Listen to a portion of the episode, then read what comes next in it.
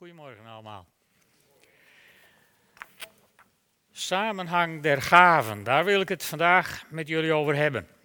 Want uh, we zijn de afgelopen tijd verschillende keren bezig geweest met uh, de gaven. Naar aanleiding van het boek Ontdek je door God gegeven gaven, maar ook in het kader van het thema wat we voor dit seizoen hebben, samen zijn. En dan vooral met de nadruk op, op zijn op wie je bent, hoe je bent, hoe God je heeft gemaakt. En we hebben dat steeds gedaan vanuit Romeinen 12. Dus nog één keer Romeinen 12. We hebben verschillende gaven, onderscheiden naar de genade die ons geschonken is. Wie de gave heeft te profiteren, moet die in overeenstemming met het geloof gebruiken. Wie de gave heeft bijstand te verlenen, moet bijstand verlenen. Wie de gave heeft te onderwijzen, moet onderwijzen. Wie de gave heeft te troosten, moet troosten. Wie iets weggeeft, moet dat zonder bijbedoelingen doen. Wie leiding geeft, moet dat doen met volle inzet. En wie barmhartig voor een ander is, moet daarin blijmoedig zijn. We hebben echter ook steeds duidelijk geprobeerd te maken dat er meerdere categorieën gaven zijn. Dus ook die nog één keer. We praten over natuurlijke talenten. Die vind je bijvoorbeeld in Exodus 31. Zal ik met zo meteen even op terugkomen. We hebben het gehad over manifestatiegaven, of wat de NBG noemt, de uitingen van de Heilige Geest. Dus wat Gods Geest door jou heen zou willen doen, uit 1 Korinthe 12. We hebben de, de bedieningsgaven, of, of wat in veel andere talen ambten wordt genoemd, apostel, profeet, herder, leraar en evangelist, die je vindt in Efeze 4 en de motivatiegaven die je vindt in Romeinen 12. Dus eerst heel kort iets over natuurlijke talenten. Sommige mensen denken dat dat aangeboren is, dat je dat van je vader of je moeder hebt geërfd, hè, dat het in je DNA zit of dat het gewoon toevallig is dat je iets heel goed kunt. Maar, maar de Bijbel zegt daar iets anders over. En ik heb daar één prachtig voorbeeldje van. En dat vind je in Exodus 31, waar de tabernakel gebouwd moet worden. En dan krijgt Mozes van God de opdracht om iemand uit, aan te stellen als zeg maar, de hoofduitvoerder van de tabernakel. Zijn naam is Bezaliel. En wat zegt God over hem? God zegt tegen Mozes: Ik heb hem uitzonderlijke talenten geschonken: wijsheid, vakmanschap en inzicht op allerlei gebied. Hij kan ontwerpen maken en zijn goud, zilver, koper en brons uitvoeren. Hij kan stenen snijden en zetten en hout bewerken en hij beheerst ook allerlei andere vaardigheden. Dus uh, sommige mensen zijn heel technisch, andere mensen zijn heel goed met cijfers. Er zijn mensen die zijn heel goed met muziek, gelukkig maar. Maar die heb je van God gekregen, al die talenten. En uh, het mooie is dat Jezus daar ook iets over zegt. Hij vertelt het weliswaar verpakt in een gelijkenis in Matthäus Waar is hij gebleven? Matthäus 25, vers 14 tot 30. Het verhaal van de koning die op reis gaat en talenten geeft aan zijn dienaren. De ene wat meer, de andere wat minder. Maar dan gaat het in dat verhaal niet om. Het gaat erom dat je er wat mee moet doen. En je kunt, die gelijkenis moet je maar eens lezen. Dat voert te ver om die vanochtend ook nog te behandelen. Maar in ieder geval wat je daar leest is niks doen met je talenten is niet handig. Ze begraven daar word je aan het eind uiteindelijk niet vrolijk van. Dus ga wat doen met de talenten die God je heeft gegeven. Ga ermee aan de slag, woeker ermee, ga naar school, ga studeren, ga oefenen, ga trainen. Kan me niet schelen wat, maar ga wat doen met wat God je heeft gegeven. Je natuurlijke talenten. Dan hebben we ook de motivatiegaven. Daar hebben we het nu een aantal keren over gehad. Hè? De waarnemer, de dienaar, de leraar, de bemoediger, de gever, de bestuurder en de barmhartige. Afgeleid uit, uit Romeinen 12. Dus daar hoef ik niet zoveel meer over te zeggen. Dat snappen jullie nu allemaal. En als je het boek hebt gelezen, dan weet je nu ook ongeveer in welke van deze zeven je sterker bent en in welke je misschien wat zwakker bent. En nou zou het een heel ouderwets onderwijsconcept zijn door te zeggen, dan moet je vooral met de dingen waar je niet zo goed in bent, waar je zwak in bent, daar moet je veel energie in steken. Maar ik las eens een keer een heel wijs woord van iemand die zei, als je veel energie steekt in waar je slecht in bent, krijg je meer van waar je slecht in bent. Dus steek je energie in waar je goed in bent. Investeer in de gaven die God je heeft gegeven. En probeer niet, iets te worden in de gaven die God je niet heeft gegeven. Je mag met alle oprechtheid zeggen van nou, dat is niet mijn talent of niet mijn gave. Dat mag. Mooi hè, dat heb je nu ook gekregen doordat we er helderheid in hebben geschapen. Dus motivatiegaven. Een andere belangrijke is, ik mis een pagina, hier. Een andere belangrijke, dat zijn de bedieningsgaven. Die ik al noemde, de apostel, de profeet, de herder, de leraar en de evangelist. Maar hoe hangen die dingen nu samen? Want dit zijn verschillende lijstjes van Paulus. Ik heb uh, duidelijk gemaakt dat je ze niet op één bult mag vegen, maar ze hebben wel met elkaar te maken. Uh, bijvoorbeeld, wij hebben uh, dit benaderd vanuit Romeinen 12. Met Janita Seinstra, die heeft ook iets met ons gedaan op de, op de ledenvergadering. En al een keer eerder in een preek. En zij benaderde het, dat is een ander boek, vanuit Efeziërs 4. Vanuit de, de vijf ambten, apostel, profeet, leraar, herder en evangelist. En, en spreekt dat elkaar dan tegen? Nee, zeker niet. Want in Romeinen 12, daar gaat het vooral over de gaven die God je heeft gegeven. En in Efeze 4, als je het vanuit die hoek benadert, die benadering focust vooral op de kwaliteiten die je nodig hebt om in een bepaalde roeping te kunnen functioneren. En die kwaliteiten die je nodig hebt, dat zijn dezelfde kwaliteiten die God aan mensen heeft gegeven. En het slimme van God is dat hij vaak ook nog mensen roept die die talenten of gaven heeft gegeven voor een bepaalde bediening. Leuk hè, God is veel slimmer dan wij soms denken. Dus het hangt aan elkaar. Het is onlosmakelijk met elkaar verbonden. En, en we zien ook in Corinthiërs dat God sommige mensen heeft aangesteld. Sommige mensen zijn door God geroepen om op een bepaalde plek te gaan staan. Sommigen voor het leven, sommigen tijdelijk, dat, dat is een ander verhaal. Maar God heeft sommige mensen aangesteld. En dan staat er in 1 Korinthe 12, ten eerste apostelen, ten tweede profeten, ten derde leraars. Sommige mensen leiden daar een volgorde van belangrijkheid uit af, maar ik geloof zelf, zolang belangrijkheid voor ons nog een item is, hebben we heel veel van Gods genade en van zijn gaven niet begrepen. Het gaat er niet om wie de eerste en de laatste is, daar zegt Jezus ook het nodige over, maar hij heeft een aantal dingen gegeven. En dan staat er in, in onze vertaling en verder krachten, gaven van genezing, bekwaamheid om te helpen. Dat kan een beetje aanleiding geven om ze allemaal toch samen te voegen. Maar dat Griekse woordje wat daar gebruikt wordt, betekent eigenlijk primair daarna. Dus God heeft eerst sommige mensen aangesteld. En als je het dan op die manier leest, dan zou je kunnen zeggen, en daarna gaf hij ze. En dan komen er een aantal dingen die je terugvindt in 1 Korinthe 12.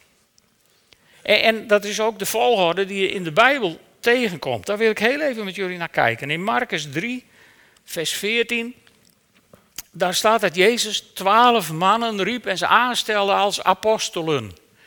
En apostelen, dat betekent niet dat je de baas bent of de directeur van het koninkrijk. Of apostel betekent gewoon gezondene.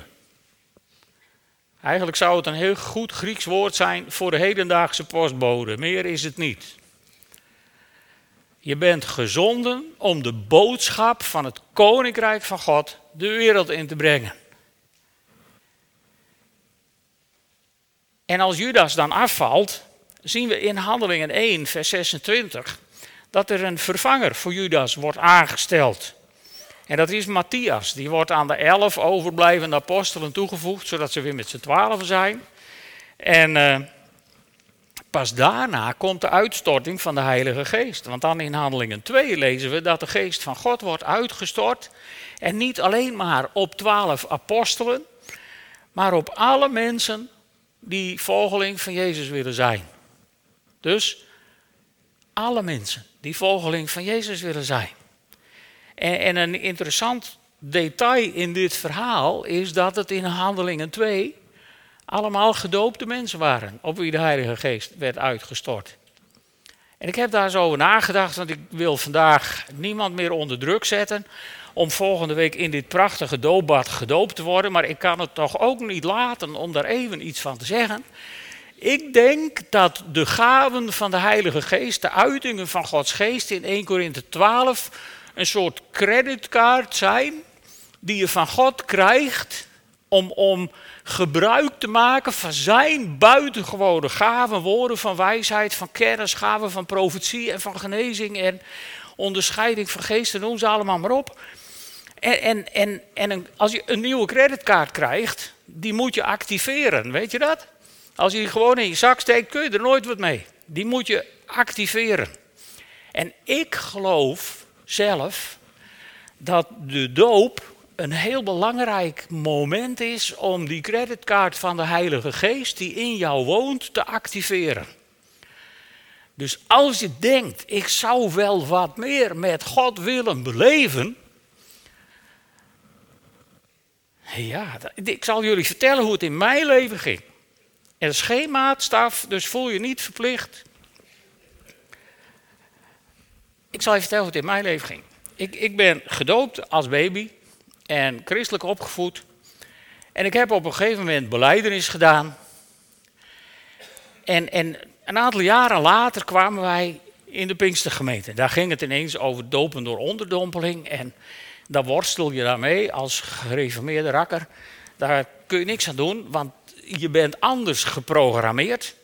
Je worstelt daarmee. En ik zat in de gereformeerde kerk. In op einde, hier niet zo ver vandaan. En ik werd ja, bijna onweerstaanbaar aangetrokken door die preekstoel daarvoor. Ik durfde niet eens een spreekbeurt te houden, maar goed, zo, als God met je aan de slag gaat, overkomt je van alles. Dus ik zat daar en ik kreeg zo'n verlangen om meer met God te beleven. En toen zag ik ineens, plotseling in die kerk, zag ik Jezus voor me staan, die keek me aan, maar er was water tussen ons. En toen zei hij tegen me, Willem, ik heb lang genoeg op je gewacht. En toen draaide hij zich om en toen ging hij op stap. En ik dacht, ho even, dat gaat niet gebeuren. Dus de eerstvolgende doopdienst daarna zijn Geert en ik gedoopt. En sindsdien geloof ik dat als je meer wilt van Gods geest, dan begint dat aan de overkant van het water. Volgende week begint het dan aan deze kant van het water, want je komt er daarin waarschijnlijk. Maar dat doet er even niet zoveel toe. Ik zet je niet onder druk. Maar volgende week is de kans van je leven. Om meer met God te gaan beleven. Goed. Even kijken hoe het werkt. Ik wil één voorbeeld met jullie behandelen. En dat is Paulus. Wie anders, zou je bijna zeggen. Paulus die schrijft iets heel interessants. In 2 Korinthe 12 verwijst hij naar 1 Korinthe 12. Want hij zegt in 2 Korinthe 12, of daar schrijft hij aan de Corinthiërs, alles wat een apostel tot apostel maakt, heb ik u laten zien. Elke volharding, alle tekenen en wonderen en elke kracht. En weet je, dit klinkt een beetje, beetje arrogant, want het zou kunnen zijn, en sommige, sommige leiders die, die, die zijn jammer genoeg zo, het lijkt alsof Paulus zegt van Simeus, ik heb je alles laten zien.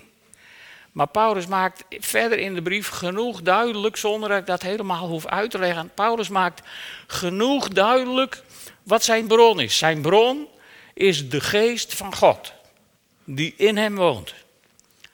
En hij zegt, in alles wat een apostel tot een apostel maakt, dus die geroepene, die gezonden is om het evangelie aan de wereld te vertellen, alles wat die apostel nodig heeft, zegt Paulus, dat heb je in mij gezien.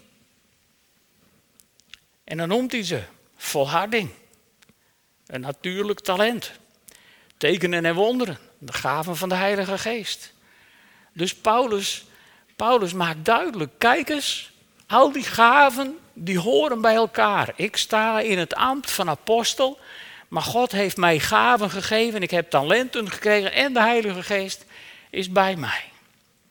Er is dus een samenhang in de gaven die God geeft. Kijk maar eens even. In 1 Timotheus 2, vers 7, daar schrijft Paulus aan zijn leerling Timotheus. Om dit te verkondigen en dit, dat is dan de boodschap van het koninkrijk van God. Dus om dat te verkondigen ben ik als apostel aangesteld. Ik spreek de waarheid, ik lieg niet.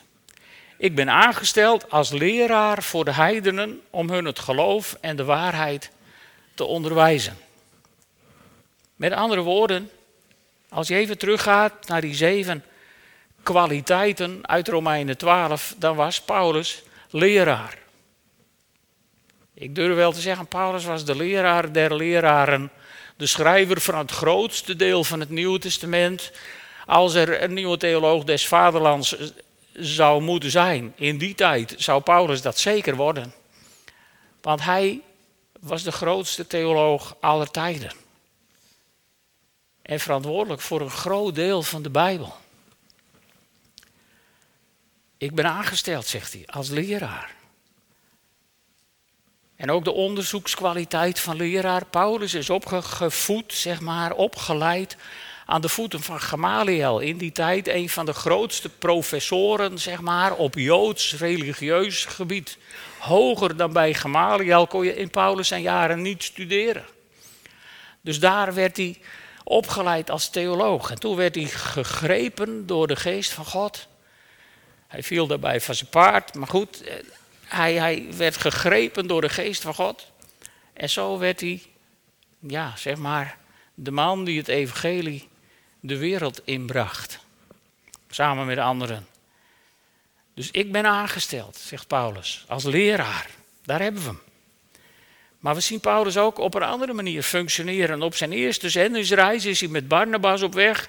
Hij heet dan nog Saulus. Overigens de Joodse naam voor de Romeinse naam Paulus. Hè. Het is gewoon hetzelfde. En uh, daar verkondigen ze het evangelie voor zeg maar, de stadhouder van Cyprus. En dan is er een, en dat is een beetje wrang, een Joodse occulte figuur. Een soort tovenaar die daar aan het hof door zijn kunsten en zeker aanzien geniet. En die werkt Paulus en Barnabas tegen. En ja, dat kun je heel irritant vinden. En je kunt ook zeggen, nou kan de oudste van dienst hem er niet uitzetten of, of, of zoiets. Hè. Wij hebben daar van allerhande dingen voor bedacht. Maar Paulus, dan staat er, en ik lees het voor, uit Handelingen 13. Daar staat, daarop keek Saulus, die ook bekend stond als Paulus, hem strak aan. En vervuld van de Heilige Geest, zei hij, u bent een bedrieger, een gewetenloze oplichter, een kind van de duivel en een vijand van elke vorm van gerechtigheid. Hoe durft u de rechte wegen van de Heer te veranderen in kronkelpaden? En dan profeteert Paulus over hem dat hij blind zal worden. En vervolgens moeten mensen hem de zaal uitleiden, want hij is op slag blind. Wat zie je hier?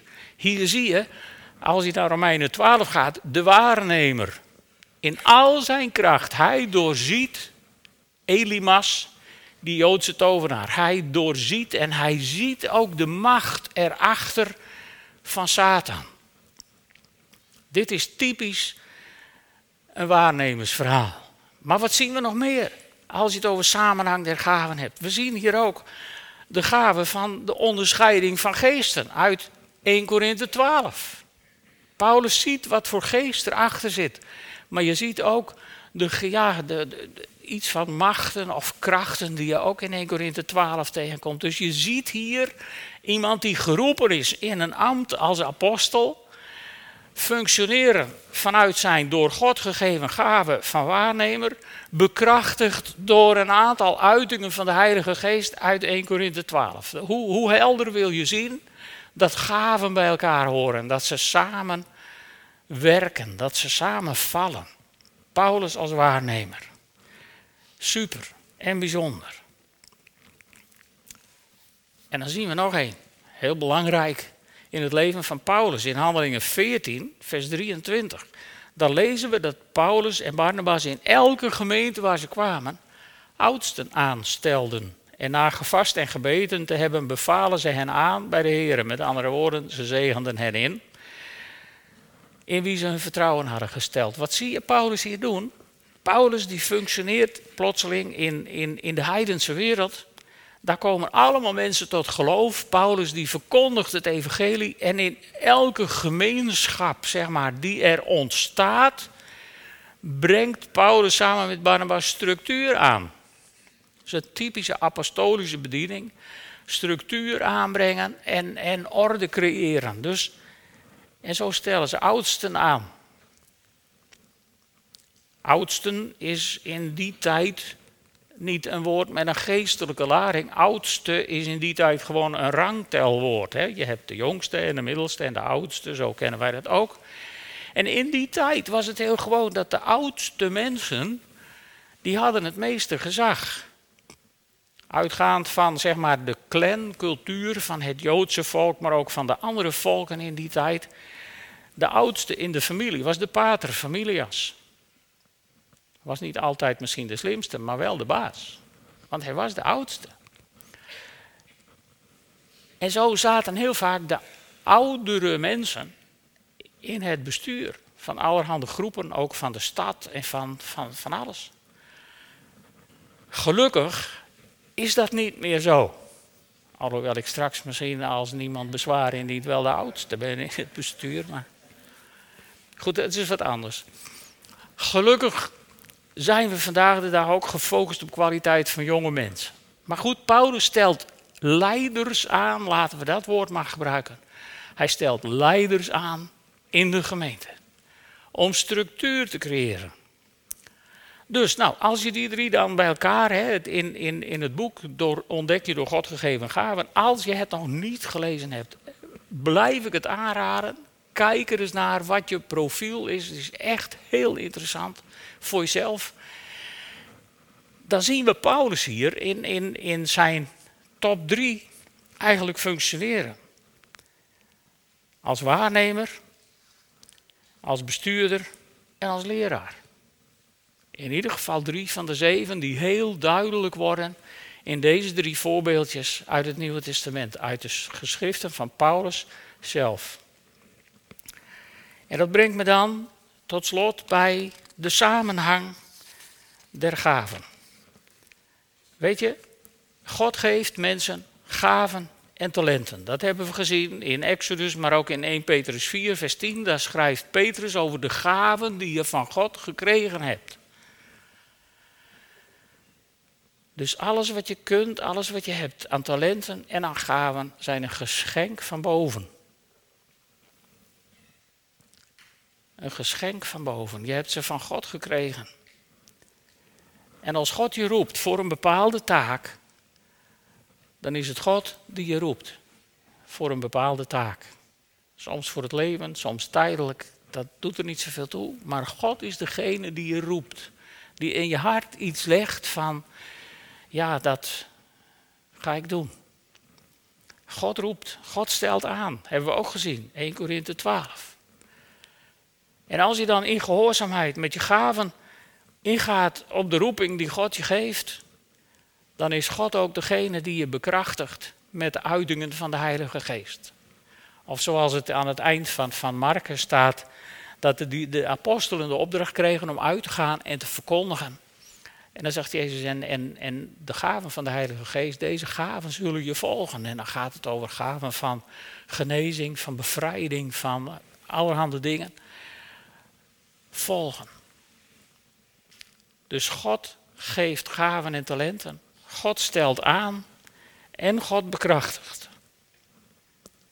En op die manier maakt God ons tot wat we zijn. Of tot wie we zijn. Met de nadruk op zijn, als je even terugdenkt aan het thema. God bepaalt hoe we zijn. En dat deed hij voor de grondlegging der wereld, zegt de Bijbel. Toen kende hij jou en mij al. En hij was op de hoogte van ons ontstaan toen we in de schoot van onze moeder werden gevormd. Psalm 139 zegt, hij zag ons vormeloos begin. Een klompje cellen, druk bezig om zich steeds verder op te delen.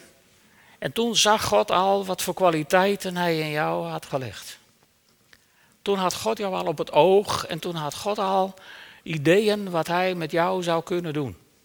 Dat is geen noodlot, niet iets onontkoombaars wat je, waar je niet aan kunt ontkomen. Hè. Dat is iets waar je, waar je op in mag gaan. Net zoals op een uitnodiging om gedoopt te worden of om je hart aan Jezus te geven of om je open te stellen voor de gaven van de geest. Elke keer is het van God die uitnodiging. Het is geen lot wat je overkomt. Wees niet bang. God gaat je geen dingen vragen die niet bij je passen. En God gaat je niet in een dwangbuis dwingen waar je niet in kunt of niet in hoort. Het is elke keer weer die uitnodiging van God. Ik kreeg ooit eens een heel mooi boek van iemand over pneumatologie, dus zeg maar de theologie over de Heilige Geest. En dat boek dat, dat heb ik al een aantal keren gelezen. Het is van uh, professor Dingemans. Uh, wij zouden hem misschien een beetje vrijzinnig noemen, of misschien wel heel vrijzinnig, maar dat moet je zelf weten. Maar het boek heeft zo'n mooie titel. Dat boek heet De Stem van de Roepende. Kun je je voorstellen? Jezus vertelt daarover, hè, wat zegt Jezus over zijn schapen? Hij zegt, mijn schapen volgen mij, omdat ze mijn stem kennen. Mijn vraag aan jou is, hoe goed ken jij die stem? En hoor je die stem nog? Ik kreeg eens een plaatje van iemand toegestuurd. Het hangt op mijn studeerkamer van iemand die ligt met de radio aan. Op een veldbedje te televisie kijken, koptelefoon op. En uh, ondertussen appt hij met zijn telefoon. Dus, eh, jonge mensen kunnen dat tegenwoordig. Multitasken heet dat. En, en tegelijk vraagt die persoon zich af: Ik snap niet waarom ik de stem van de herder niet meer hoor. En die herder staat een klein eentje verder te schreeuwen. Maar er is geen schreeuwen aan. Luister jij nog naar de stem van de herder? Hoor je de stem van de herder nog, die jou gemaakt heeft zoals je bent, maar die ook een plan heeft voor jouw leven en die met alles wat hij in jou heeft gelegd zo graag wat moois zou willen doen? Hoor je die stem van de herder nog? Neem je tijd überhaupt om daarnaar te luisteren. Want weet je, God maakte ons tot wie we zijn. En hij bracht ons samen in deze gemeente. Dat is het tweede woord uit dat thema. Hij bracht ons samen in open thuis. En God brengt nieuwe mensen bij ons samen in open thuis. En de vraag is niet of je het genoeg met die ander eens bent om samen te zijn in open thuis. De enige vraag die ertoe doet, is ben je bereid om samen met al die andere wonderlijke creaturen die hier zitten. In deze gemeente te zitten. Om God te loven en te prijzen en gebruikt te worden. Ieder op zijn eigen manier. En als we dat willen. En we stellen ons open op naar andere gemeenten in Smallingenland en omgeving. Dan zullen we samen met al die gemeentes iets betekenen in de maatschappij waarin God ons gesteld heeft. Want God is niet klaar met Smallingenland of Opsteland of uit welke gemeente je maar komt. God is niet klaar met de maatschappij waar wij wonen. God is nog maar net begonnen. En wat Hij wil doen in de omgeving waar wij leven, daarvoor heeft Hij ons samen nodig. Of om het met Paulus te zeggen, zoals hij het aan de Efeziërs schrijft, alleen samen met alle heiligen kunnen wij ontdekken hoe groot, hoe lang, hoe breed en hoe diep Gods liefde is voor deze wereld. Dat kun je niet alleen. Zullen we gaan staan en samen bidden?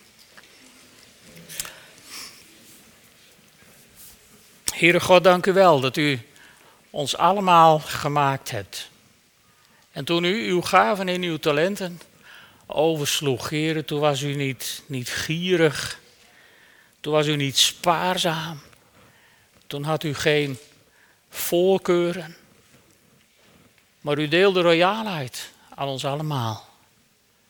U vulde ons met uw Heilige Geest. En u stierf aan het kruis om ons te redden. Heren, dank u wel dat u ons gemaakt heeft zoals we zijn. En behoed ons ervoor, Heere God, dat we ons gaan laten maken of zelf willen maken tot wat we niet zijn. Maar u bracht ons ook samen. Samen in deze gemeente. Met al die variëteiten. En u bracht ons als kerk en ook samen in de omgeving waar we leven. En ik bid u, Heere God, laat ons dat samen zijn steeds dieper ontdekken.